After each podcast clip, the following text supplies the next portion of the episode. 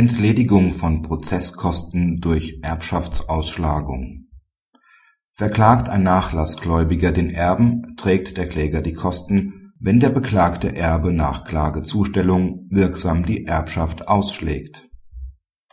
Der am 3.9.2008 verstorbene Erblasser hatte Geldschulden.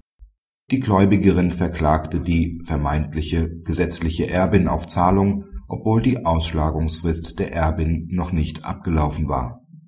Nach Klagezustellung schlug die Beklagte die Erbschaft aus und focht gleichzeitig vorsorglich die mittels Fristablauf fingierte Erbschaftsannahme an.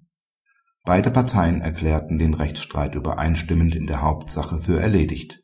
Das Amtsgericht legte die Kosten des Rechtsstreits gemäß § 91a ZPO der Klägerin auf weil die Beklagte aufgrund der Ausschlagung nie Erbin geworden und daher nicht passiv legitimiert gewesen ist.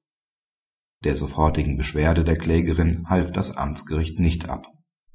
Die Klägerin meinte, das erledigende Ereignis sei die Erbschaftsausschlagungserklärung, die erst nach Rechtshängigkeit erfolgt sei.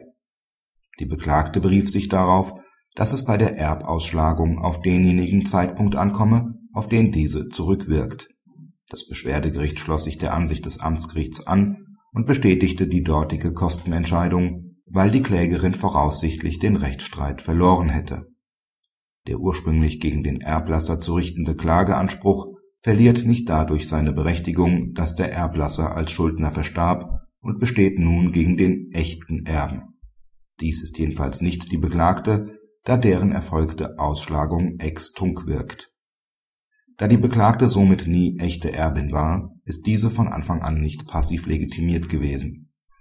Mangels Passivlegitimation hätte die Klägerin den Rechtsstreit verloren.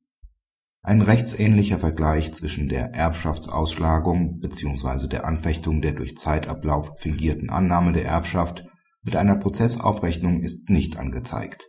Zwar wirkt die Aufrechnung materiellrechtlich auf den Zeitpunkt der Aufrechnungslage zurück Jedoch ändert die Aufrechnungserklärung im Prozess die Rechtslage dahingehend, dass der durch Aufrechnung erloschene Anspruch bis zur Aufrechnungserklärung prozessual bestanden hat.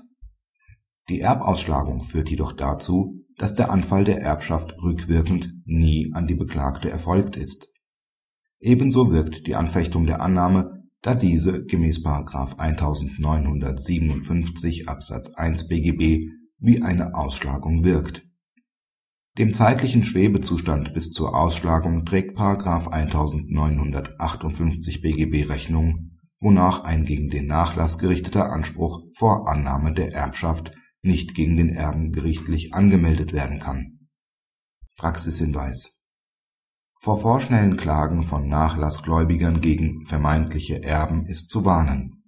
Eine solche Klage erfolgt auf eigenes Kostenrisiko der Gläubiger muss sich daher vor Klageerhebung vergewissern, ob die Erbschaft vom in Anspruch zu nehmenden Erben angenommen wurde oder die Annahme als erfolgt angesehen werden kann, weil die Ausschlagungsfrist verstrichen ist. Die Erbschaftsannahme kann auch stillschweigend oder konkludent erfolgen, zum Beispiel in der Beantragung eines Erbscheins. Der Nachlassgläubiger sollte daher zumindest Einsicht in die Nachlassakte nehmen, um daraus gegebenenfalls Hinweise zum wahren Erben zu erhalten